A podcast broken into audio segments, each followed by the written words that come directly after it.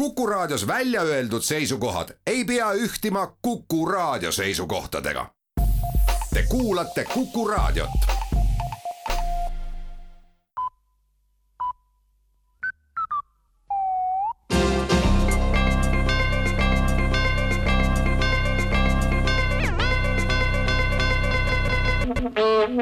tere kuulama uudiseid stuudios Rohke Debelak. Justiitsministeeriumis on ettevalmistamisel seaduseelnõu, mille jõustumisel läheb edaspidi kogu detailplaneeringute ja arhitektuurikonkursside ja riigihangetega seonduv otse Riigiprokuratuuri kätte.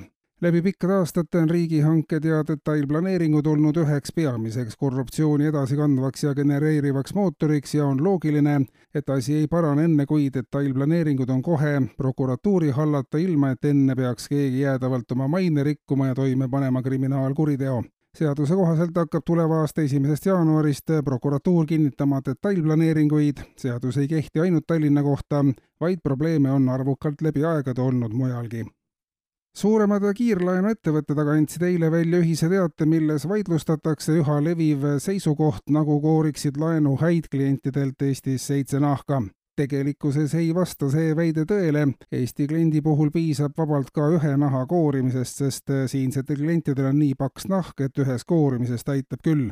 Miks on Eesti kliendid nii paksu nahaga, ei osata praegu teaduslikult seletada, on see valitsusepoolne seanaha vedamine või tõsiasi, et eestlased on ajaloo jooksul lihtsalt nii palju naha peale saanud, seetõttu tunnevadki kliendid pärast naha koorimist vabanemist ja kergendust ja need on pigem positiivsed emotsioonid, märgivad laenukontorid ühisavalduses Euroopa sotsiaalteadlaste rühm, kes aasta alguses sõitis Eestisse, et uurida väidetavaid võõraviha ilminguid ja võõraviha üha kasvavat levikut, on teinud tööst esimese kokkuvõtte.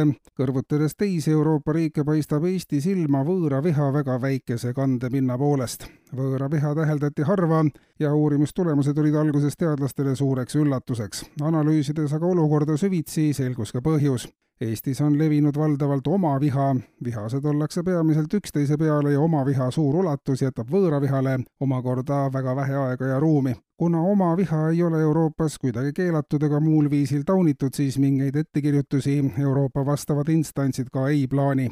Pikemas perspektiivis nähaksegi üle-euroopalist arengut, kus oma viha vahetab võõra viha täies mahus välja ja Eesti on sellel teel ka suunanäitajaks, märgivad teadlased kokkuvõtteks ja Terviseameti rahvatervise uuringust selgub, et üha enam eestimaalasi läheb üle kiirtoidule.